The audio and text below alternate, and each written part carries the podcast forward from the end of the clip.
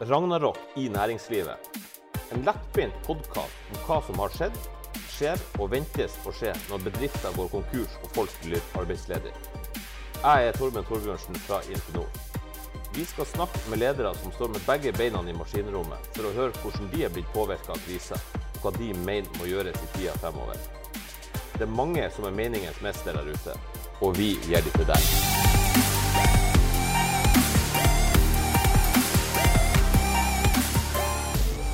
Velkommen til en ny podkast fra eh, Ragnarok. Eh, I dag så har vi fått med oss en, eh, en gjest som er nokså Han er nokså berørt ut av den pågående koronakrisen. Koronakrisa det preger oss i hverdagen nå, alle, alle som er.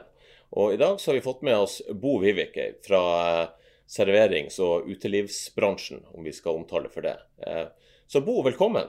Takk skal du ha, Torben. Takk skal du ha. Hvordan, hvordan føler du at de siste fire ukene eh, som eh, næringslivsmann og som, som en av de lederne som står i maskinrommet hver dag og passer på butikkene, hvordan føler du at det, det har vært? Det, det har vært et eh, sjokk. Jeg føler, jeg føler akkurat som, som de første båtene som traff Normandie. Eh, hvor luka gikk opp på stranda. Jeg fikk den første kula rett i panna.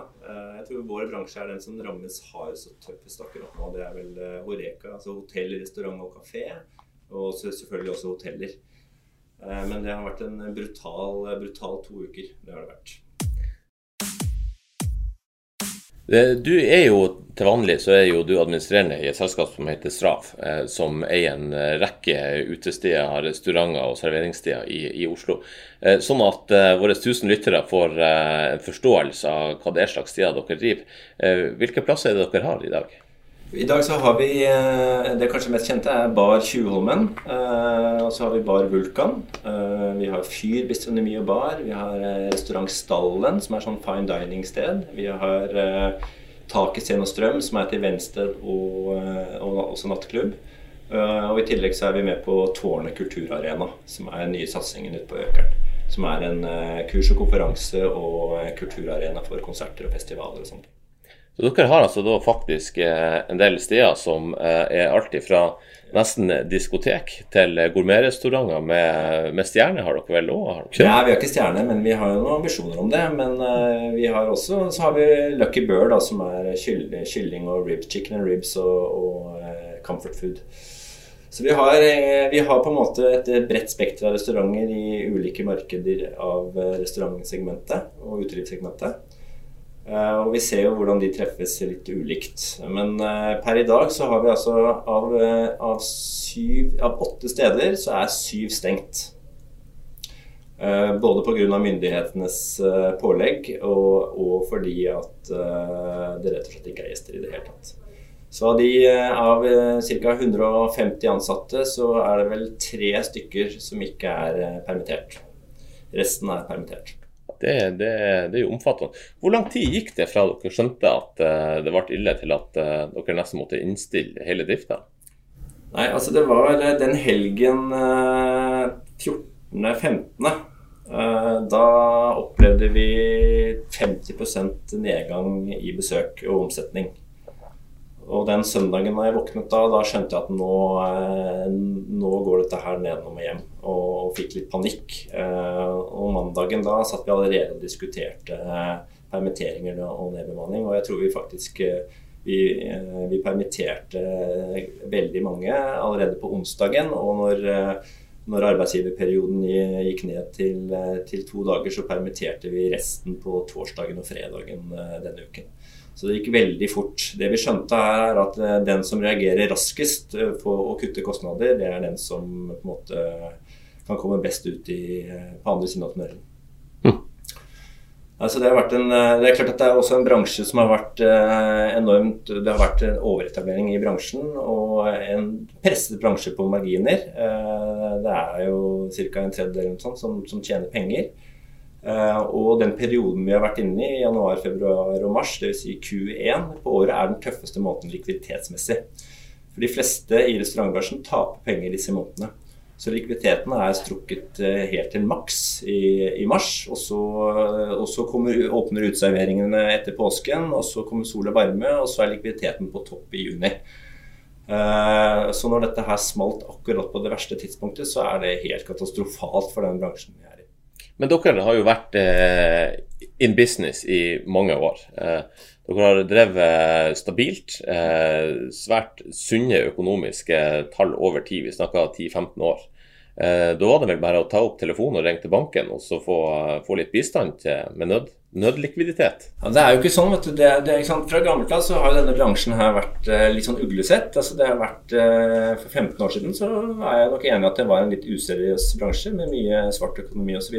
Men nå etter hvert så har jo restaurantbransjen blitt profesjonalisert, og vi har fått store kjeder. Og nå har det blitt, de siste årene har det blitt legitimt for private equity å gå inn i bransjen. Det har blitt Bankene også og sett at dette er en eh, bransje som har gjennomgått en profesjonalisering, og de har vært villige til å gi lån. Klart Akkurat det siste året med den overetableringen som har vært, så, så har de vært mye mer forsiktige. Men, eh, men sånn i, i, historisk sett så, så, så har, har, jo banker vært mer positivt. Men, men, eh, men, det er helt klart mye vanskeligere for denne bransjen å få lån og finansiering enn det er andre bransjer. De som har finansiert vår bransje, det har stort sett vært leverandører, sånn som bryggeriene, vinselskapene, champagneselskapene. For de er den eneste måten de kan bygge brand og distribusjon på. Så de er helt avhengig av å ha distribusjon, og da må de rett og slett hjelpe bransjen i gang. Så det er sånn det har foregått. Eh, så det, er, så det er klart, det, det er, vi, vi, står ikke i første rekka når det skal finansieres hos banken. vi har nok alltid hatt følelsen at man står med lua i hånda. Så da, da, er det sånn at de eh, statsgaranterte lånene som er flagga gjennom de forskjellige pakkene, de, de kommer ikke dere til unnsetning? Jo, det tror jeg. Ja, det er klart, ja, hvis du tenker at uh, vi sysselsetter 150 000-200 000 mennesker, altså uh, hotell, og restaurant og reiseliv, så, så, skjønner vel staten det at uh, de er ikke keen på å miste de arbeidsplassene. Vi er jo en, vi, er jo en, en viktig arbeidsgiver for unge mennesker på vei inn i arbeidslivet. Og også et multikulturelt, en multikulturelt arbeidsgiver. Så, så, jeg tror det, er en veldig viktig arbeidsgiver for, eh, for, Norge. Og i tillegg så er det jo veldig viktig for turismen, som har vært en eh, viktig næring for Norge i de siste årene. Så jeg, jeg, tror at det kommer pakker for vår næring. Eh, hvordan den sys sammen, det er jeg litt usikker på. Eh, jeg har veldig sansen for den måten de har gjort det i Danmark, hvor de har dekket løpende kostnader. Eh, jeg tror at de som overlever i dag, det er på en måte de som har minst gjeld. Eh, og de som får til gode avtaler med bank og med, med, med gårdeiere, det, det, er de som overlever, rett og slett. Det kommer til å bli en utradering, og det kommer til å ta lang tid før man eh, før man kommer opp til den aktiviteten som vi har vært i. Hmm. Hva, du, uh, hva du tenker nå i uh, vedrørende Nå er det jo sånn at forsk, FHI de anbefaler jo og forventer jo at det kommer til å være en topp på koronasmitta nå til midten, midten, av april. og så er det vel ikke utenkelig at den kan bli for, forlenga. Hvordan vil det slå inn i bransjen deres hvis du nå får en utelivssesong som blir det, det, det, jeg tror da, de, de, rene restaurantene, de som er ren mat og drikke, eh, de vil komme ganske fort i gang. Eh, det vil selvfølgelig være begrensninger i antall altså kapasitet og sånne ting, eh, men uteserveringene håper jeg kan komme ganske fort i gang. De stedene som er avhengig av bedriftskunder, og som har eventer og bookinger og sånne ting, det tar lengre tid å sette i gang, for det bookes gjerne tre til seks til et år fram i tid. Så det tar lang tid. Eh, så de stedene som er sånne eventsteder og sånn, sånn som vi også har, de, de, der er året på en måte kjørt. Det tar nok et år å komme seg tilbake igjen. Eh, men de stedene som har ren mat og drikke og mye privatmarkedet, der vil den kanskje få en sånn effekt hvor man da får eh, mye folk som vil ut og spise og kose seg med en gang, fordi nå har abstinenser til å sitte hjemme med unger og familie og vil ut. Eh, men selvfølgelig her vil det også være masse begrensninger i forhold til avstand mellom folk. At man må være ute. Nattklubb og den biten der, det, det tar nok flere måneder til før vi får lov til. Det er jo ulovlig nå. Så 2020 det er egentlig kjørt fra et resultatperspektiv? Ja, Fra et resultatperspektiv så er det nok det. Det som er viktig, det eneste som teller nå, er likviditet. Lønnsomhet betyr ingenting. Hold hodet over vann? Ja, å holde hodet over vann, ja. Uh, og For vår del så ser vi jo bare det at eh, ok, vi, uh, hvis vi får åpnet i mai, så kan vi kanskje redde alle stedene. Får vi åpnet i juni, så kan vi redde noen steder. Hvis vi ikke får åpnet før til høsten, så ser det mørkt ut. Hva du, hva du tenker da om eh, koronakrise i seg selv og de tiltakene som, eh, som, myndighetene har iverksatt? For du er jo åpenbart ut av de som er blitt hardest ramma og som risikerer mest. Syns du det er for, eh, for stramme tiltak, eller syns du at det er gjort det som er, er nødvendig? Jeg, jeg syns jo de har vært ganske raske og kommet med gode tiltak. Utsettelse på skatt, reduksjon i arbeidsgiveravgift og sånne ting. Men det er klart, det vi, det vi egentlig trenger, er jo cash. Vi trenger likviditet. Uh, og det som skjer, er jo det at sant, når, når, restaurantene ikke greier å betale sine leverandører, så forflytter problemet seg oppover i verdikjeden. Og så begynner leverandørene å kreve inn penger, og hos oss er det fullstendig tomt. Det er ingen penger å tjene, eller ingen penger å hente. Og så får de problemet bakover. Så det man må gjøre, er å fryse hele bildet. At hele verdikjeden fryser på en måte alle fordringer og gjeld. Og så avventer man til man har en forutsigbar fremtid. Det, og, og, det er viktig at alle forstår. og Det er jo, sant, det er jo noen leverandører som ikke forstår det, og som fortsetter å kreve inn penger. Begynner å sende ting til inkasso. Det bare forverrer problemet. Det som skjer hvis en leverandør sender ting til inkasso, det er bare at du øker gjelden til et, et, et sted, en restaurant. Og det er jo da renter og salærer som ikke gagner leverandøren, men bare øker, øker sjansen for at eh, restauranten eller stedet ikke greier seg. Uh, vi kan jo, Hvis vi tar et sånt eksempel på det, så er det jo sånn eh, Dere jo, representerer jo en, eh, en, en, god størrelse sånn hos oss, hos Intinor, eh, som kunde. og når, når, dere får de utfordringene, så, så, er det klart at de mennesker som vi har sittende på økonomiadministrasjon og systemer for, for disse kundene, så, så, blir jo det permitteringer. Og så har jo vi leverandører igjen på vår side igjen, på, som, der vi kjøper systemer og andre tjenester som igjen er knyttet opp mot dere. Så får ikke vi betalt de igjen. Og da er jo hele verdikjeden i gang allerede. Og, men har dere opplevd at det er mange som sender inkassovarsel? og som Nei, altså På leverandøren sin så opplever vi det at folk skjønner det. Men, men det er jo det dette spillet her at alle tror at uh, den andre parten sitter på en krigskasse. Alle tror at man har noe midler. Man ser kanskje at man har et resultat som er bra. Men det er jo spist opp av den likviditeten, den dårlige likviditeten man har i denne perioden. Så alle tror at alle vil gjerne ha litt av den krigskassa, og så vet man ikke helt hva den andre har. Og så blir det ofte litt sånn at man sender noen stygge brev og noe, noen advokater og, og, og, og, begynner å true og sånn. Og, det, og det, da er man inne i en dårlig sirkel. Jeg tror eh, vi har, For de som ikke har vist forståelse, så har vi kjørt like hardt tilbake. Men, men, men så har jeg ringt opp og så har jeg sagt at du, hør nå her, det er ikke noe vits i at vi holder på sånn. Jeg tror bare Nå må vi bare fryse situasjonen, og så snakkes vi om noen uker. Det vi trenger nå, det er ikke noe vits å skrive ned på en nedbetalingsavtale. Det er ikke noe vits å skrive under på noen ting før du på en måte vet hva du greier. Hvis ikke så blir det bare avtaler man ikke greier å holde. Så jeg tror man må bare liksom, man må vente til, eh, eh, til man har en litt oversikt over situasjonen. Greit, kan vi kjøre for halv maskin et halvt år fremover? Ok, da kan vi i hvert fall regne på det. Men per i dag så kan vi ikke regne på noen ting. Vi vet ikke hvordan verden er om tre uker.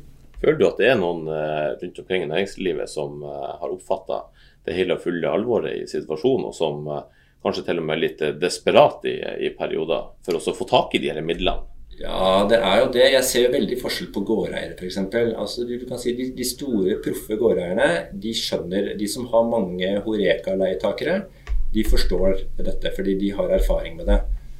Det som er da, det er, Men så har du da kanskje noen enkelte private gårdeiere som ikke helt skjønner det, som kanskje er familieeiere, og, og, og som er veldig avhengig av å få inn den leieinntekten fordi de har eh, gjeld og lån og, og sånne ting. Så de er jo en like vanskelig situasjon. Men den raskeste måten en gårdeier f.eks. kan få leieinntekter på, det er å redde den leietakeren den har. For det kommer ikke noen andre inn og investerer i de lokalene. Det kommer ikke til å være noen nyetableringer som har penger til å investere i restaurantbransjen. Det er det ikke. Den raskeste måten er å bare få de som er der, til å overleve og komme i gang, få omsetning, og så avtale en leie deretter. Det er den eneste måten uh, vi kan redde altså, Så man er i samme båt, altså. Uh, men det tar nok litt tid før man skjønner det. Hvis vi fikk kula rett i pannen på stranda i Normandie, så er det noen som sitter med det kontrollskipet lenger bak og lurer på hvor lunsjen er. Jeg tror mange gårdeiere har vært der nå. Uh, men nå som media har gjort jobben, så, så, så, skjønner man jo Så begynner man på en måte å kanskje få en felles virkelighetsforståelse, og det er jo det jeg håper. at vi gjør. Og at vi da sammen kan legge, liksom, legge våpnene til side og, og advokatbrevene til side, og heller begynne å samarbeide om hvordan vi skal komme ut av dette her, begge parter. Og det er jo ikke fair at gårdeier tar hele regningen. Det er heller ikke, men, men det er helt umulig at en leietaker gjør det. Ja, for leietakeren han tjener ikke penger i dag. Da, han tjener ikke sånn penger. Sånn og det er en presset bransje likviditetsmessig og presset marginmessig. Hva du tenker ville vært eh, de mest hensiktsmessige tiltakene for å komme inn og, og hjelpe dere i den eh, situasjonen som dere er i? Hvis du tenker fra f.eks. statsperspektivet? Jeg tror en sånn løsning som de har i Danmark, hvor de går inn og, eh, og man regner på faste kostnader Nå har jo eh, alle restaurantene stoppet de fleste av de faste kostnadene, så det det koker litt ned til, det er på en måte eh, minimumsleie på eh, altså leieforholdet. Det går på renter og avdrag eh, eller renter fra, fra banken. Og så er det noen eh, andre småkostnader som løper. Hvis, hvis staten kunne gå inn og dekke de, og så i tillegg komme et, eh, et, et statsgarantert lån til restauranter og konsepter som har livets rett, da, som kanskje har vist historisk gode tall, og som, har høye, som har høye forutsetninger for å lykkes i fremtiden når situasjonen normaliserer seg, da tror jeg vi har en fin kombinasjon. Ja. Og da vil du jo også redde da vil du også redde hele verdikjeden bakover. ikke sant? Du må, du må på en måte eh, komme med tiltak som angriper den bransjen som lider. Og så, eh, hvis, hvis, de får verktøy til å overleve, så vil verdikjeden bak eh, også overleve. Ja, for Du er også innforstått med at det er jo noen aktører i, innenfor det segmentet dere opererer som kanskje ikke er like seriøse som det dere er? Ja, men det er klart. Og det er klart at jeg, tror, jeg har jo tatt noen telefoner til gårdeiere nå, og da er det, det er første spørsmål jeg spiller Men hør nå her, vi er i en krise, og det skjønner jeg medfører eh, en krisesituasjon for dere også. Men vil dere ha oss som leietaker i fremtiden? Hvis svaret er ja, så kan vi samarbeide. Men hvis man sier at vet du hva, vi kunne godt tenke oss å avvikle dette her, da, da er det ikke noe vits i å, å, å, krangle mer. Eh, da er det egentlig en legitim måte å, få ut de leietakerne man ikke vil ha på, og, og, takke for seg. Men hvis det er en vilje til å beholde leietakeren, så mener jeg man må strekke seg langt. Noen anbefalinger inn i fremtida for, eh, for oss som er i næringslivet generelt sett? Jeg tror bare det at man må ha en god dialog, spille med helt åpne kort, det tror jeg er nøkkelen. Uh, ikke sant? Uh, jeg tror det er den eneste måten. For dette er en sånn helt surrealistisk situasjon hvor på en måte uh, alle regler og all, all måten man gjør ting på historisk sett, det kan man bare legge bak seg. Jeg tror man man må bare tenke nytt og tenke at hvordan er det vi skal hvordan kan vi dele regningene? Hvordan kan vi hjelpe hverandre? Det er, det er den eneste måten å komme ut av dette.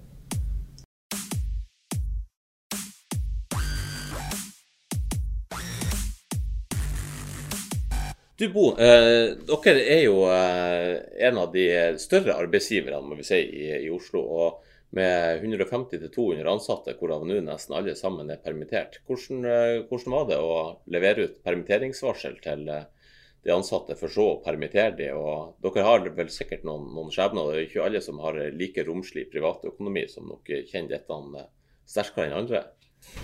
Nei, altså det er, eh, det er jo helt forferdelig. Eh, jeg må jo si at jeg syns alle ansatte hadde si, forståelse for, for, at de ble permittert. De skjønner jo også det at vi må redde butikken for at de skal ha en jobb til å komme, til, komme tilbake til. Eh, men det, det, tok nok litt noen dager før folk skjønte at ok, nei, de får ikke full lønn. De får kanskje bare 60 av det de, eh, det de eh, tjener normalt. Og så i tillegg så, Men så kom jo staten da med, med 20 dager. Jeg håper jo de kommer med mer. Eh, så det er jo det er noen tragedier i dette her, og, folk, eh, folk, har det tøft. Men jeg må nesten si at det er de, de menneskene som kanskje som, er, som tjener mest, da, som, som, er i administrasjon, og som kanskje har familier og lån og avdrag og er unge mennesker i etableringsfasen. Det er jo altså det er helt brutalt. Eh, hvordan, man da, hvordan privatøkonomien får seg en, en, en, stor smell. Og det er, noen, det er noen desperate enkeltpersoner her, og det forstår jeg veldig godt. Men det er klart, vi har jo også veldig mange veldig unge mennesker. De, er, de bor i kollektiv, de er vant til å leve på en måte på og har kanskje ikke gjeld og lån og sånne ting. Og for dem så, så tror jeg nok det går greit. Det som har vært en fordel for vår bransje, og det var jo, eh, det var jo vi, eh, for, Fra 1.1 så ble det slik at eh, tips blir jo da innberettet som lønn. og nå mm. får de faktisk en fordel av det. Så i tillegg til lønnen så er jo da den tipsen de har fått i løpet av, av året, vil jo da være grunnlag for beregning av den, det de får i dagpenger. Ja. Eh, så nå kommer jo den til gode. Så det er jo faktisk en fordel. Og det var nok et, i hvert fall et lite positivt. I all det negative så var det i hvert fall noe positivt. Eh, slik at eh, lønnen deres blir høyere enn det på en måte den reelle lønnen de får fra arbeidsgiver. Så får de da i tillegg beregnet lønn ut fra den tipsen de har fått. Eh, så det, det, er en liten positiv greie, men det er helt forferdelig. Jeg tror jo det tar lang tid. Jeg, jeg tror det, det, vil ta lang tid, eh, kanskje et år, før vi greier å eh, ta tilbake alle de vi har permittert. Det er jo helt avhengig av hvordan ting utvikler seg, og hvordan verden ser ut om tre, tre uker eller tre måneder. Det vet vi ikke. Frykter dere at det er mange av de ansatte som nå er permittert, som blir å ta seg jobb utenfor utelivsbransjen, og som, eh, som, på den måten er tapt som, som arbeidstakere for dere fremover i tid? Ja, det vil jeg nesten tro. Når vi har fått litt mer oversikt nå, så tror jeg kanskje at man må ta samtaler og fortelle at eh, det kan ta tid før du får jobben din tilbake. Kanskje det blir mer. Nå har vi i første omgang permittert tre måneder, men, eh, men at kanskje de bør begynne også å se seg om etter, etter noe annet som i andre bransjer som ikke er så hardt rammet. Men uh, det er mange personlige tragedier her. Uh, og det kommer til å bli uh, Jeg tror det kommer til å bli tøffere før det blir bedre. Det tror jeg, det tror faktisk jeg også. Og jeg vet ikke, men det er jo Hvis jeg skal sitere en, en gammel revisor som jeg hadde, han sa jo det at når du først er helt nede på bunnen, så er det bare én vei videre. Og, og det er bortover langs bunnen. Eh, Nå tror jeg ikke vi skal håpe at det er der vi ender opp denne gangen. Men eh, tusen takk, eh, Bo, for at eh, du kom hit til, til oss i dag. Jeg eh, tror jo at det, det, går bra. Jeg tenker at Trond Giske han har jo vært kjent for å figurere på noen av stedene deres. sånn at jeg tror at hvis du trekker inn han som trekkplaster etter hvert, så ordner det her seg på et eller annet vis. Det får vi håpe. Han er i hvert fall alltid hjertelig velkommen. det, det håper vi også.